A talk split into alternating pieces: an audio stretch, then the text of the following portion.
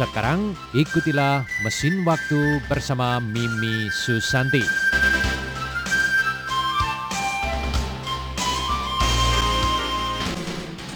Gembira sekali kita kembali bertemu di acara Mesin Waktu. Teman-teman pendengar, dalam acara di hari ini Mimi memaparkan tentang legenda asal mula naga dan phoenix yang membawa berkah.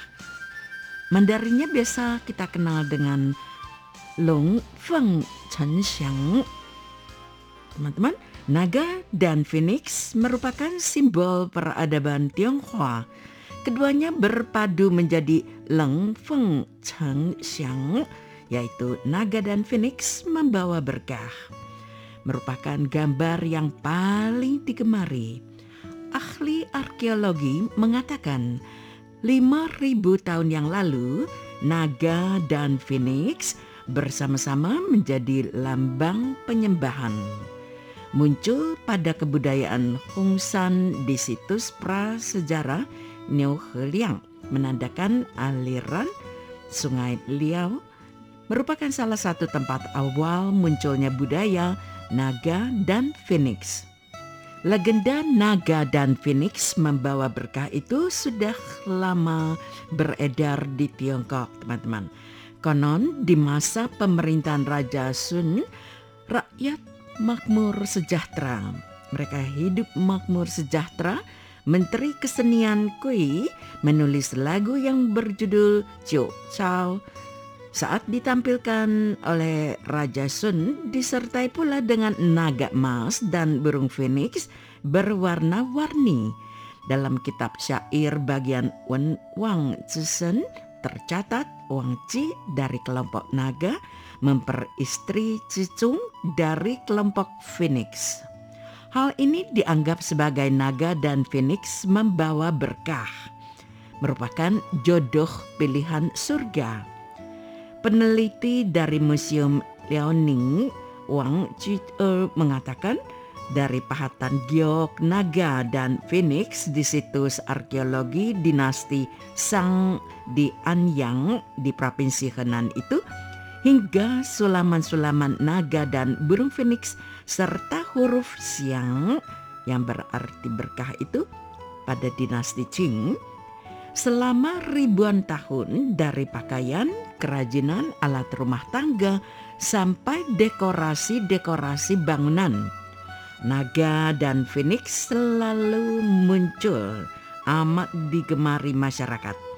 Tapi naga dan phoenix membawa berkah kapan dan di manakah paling awal muncul, masih belum ditemukan bukti arkeologi yang cukup kuat.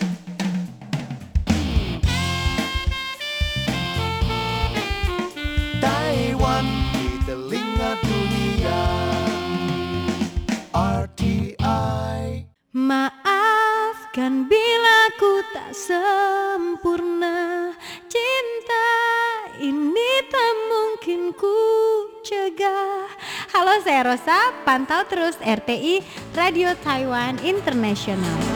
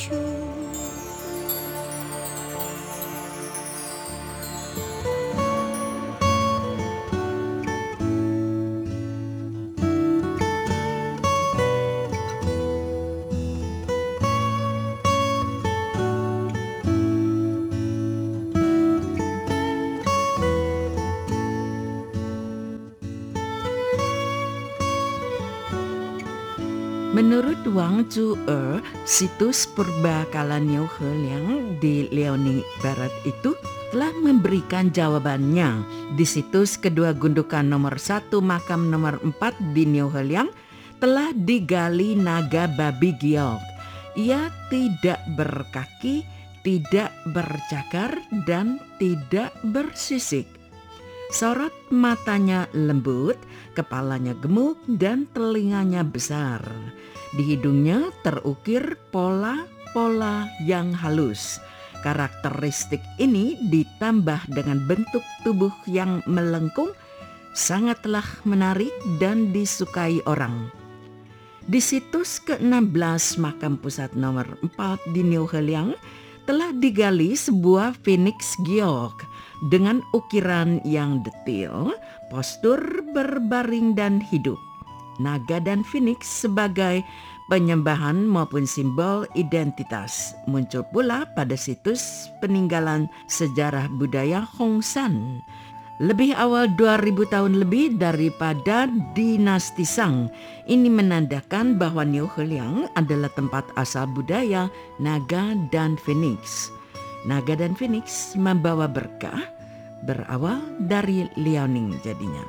Pengurus Institut Arkeologi Tiongkok, Kuota Sun pernah mempublikasikan karya ilmiah yang menekankan bahwa naga dan phoenix merupakan unsur budaya yang paling representatif dan klasikal dalam budaya tradisional kuno Tiongkok. Budaya etnis Tionghoa menggunakan batu giok untuk dipahat menjadi naga dan phoenix. Sejak zaman kuno hingga kini terus berkelanjutan.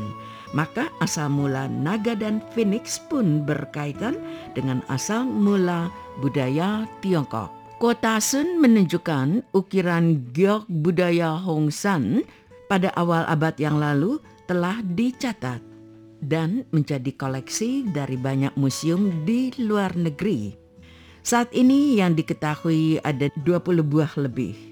Ukiran bentuk burung peninggalan budaya Hongsan ditemukan cukup awal. Akhir-akhir ini telah digali sebuah phoenix giok yang menggunakan warna giok hijau muda. Bentuknya pipih persegi, panjangnya mencapai 19,5 cm. Memiliki dua sisi dan bentuk tubuhnya kaya akan lapisan. Menurut Kota Sun, awal mula naga dan phoenix bersifat multivarian tapi juga bukan sejajar, melainkan ada yang duluan, ada yang belakangan, ada yang penting, dan ada yang tidak penting.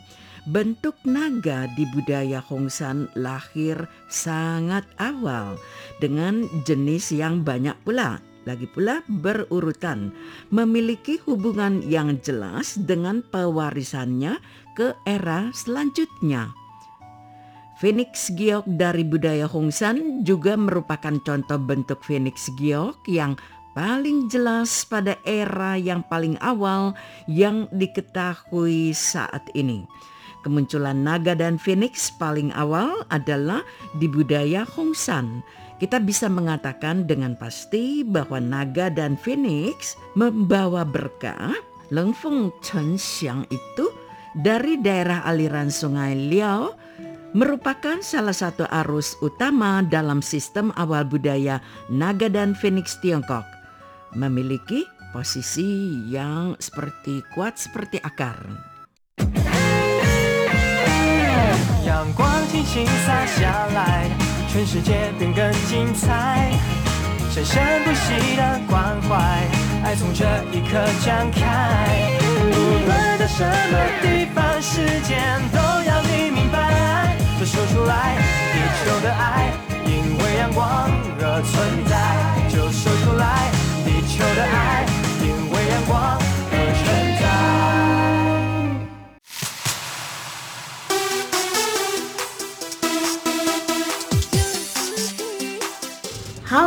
semuanya, ni hao ma. Saya Cantika Putri. Jangan lupa pantau terus siaran dari Radio Taiwan Internasional. Salam manis selalu dari Cantika Putri. Terima kasih.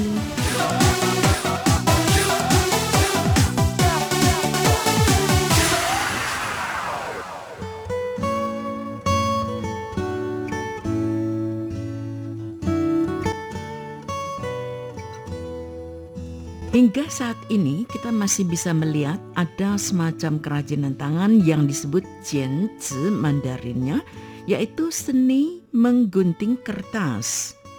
Hasil karya dari seni jianzi menggunting kertas amat cantik sekali dan amat tidak mudah. Teman-teman, seni jianzi juga memiliki sejarah yang sangat panjang dan sangat terkenal di banyak tempat amat unik. Kesenian ini adalah salah satu kesenian rakyat yang paling terkenal di Tiongkok. Jianzi, seni menggunting kertas berumur paling tidak sudah 1500 tahun. Seni ini secara garis besar bisa dibagi menjadi gaya utara dan gaya selatan. Secara umum gaya utara lebih kasar, lebih bebas. Sedangkan seni gunting kertas gaya selatan lebih halus dan lebih anggun. Jianzi daerah utara umumnya digunakan dalam kehidupan masyarakat, misalnya hiasan jendela, hiasan dalam rumah lainnya. Bahkan ada juga yang digunakan untuk berdoa, meminta hujan, serta menghindari malapetaka. Jianzi menggunting di sini kebanyakan menggunakan kertas merah, menampilkan kegembiraan untuk menonjolkan suasana gembira. Lalu juga menampilkan kehangatan suasana tradisional. Yang paling terkenal adalah Jianzi yang menggambarkan kehidupan rakyat di aliran Sungai Kuning Huanghe, terutama daerah Shanxi dan Shanpei, serta Gansu. Juga ada yang di dari Zhongyang di Shanxi. Kesemuanya mempertahankan aroma pedesaan yang cukup kental, saling berkaitan dengan tradisi masyarakat di dataran tinggi Hangtu, yakni kepercayaan, hari raya, tata krama, legenda, dan mitos. Di antaranya corak yang sering ditampilkan adalah ikan, katak, ular, dan kelinci. Ini semua mencirikan suasana dataran tinggi Huangtu dan menjadi fosil hidup yang dinamakan fosil hidup untuk menyelidiki budaya kuno. Jianzi seni gunting kertas bagian selatan banyak digunakan dalam kehidupan teman-teman, sembayang serta proses produksi. Jianzi selatan memiliki hawa kehidupan dan kondisi ekologi awal yang istimewa.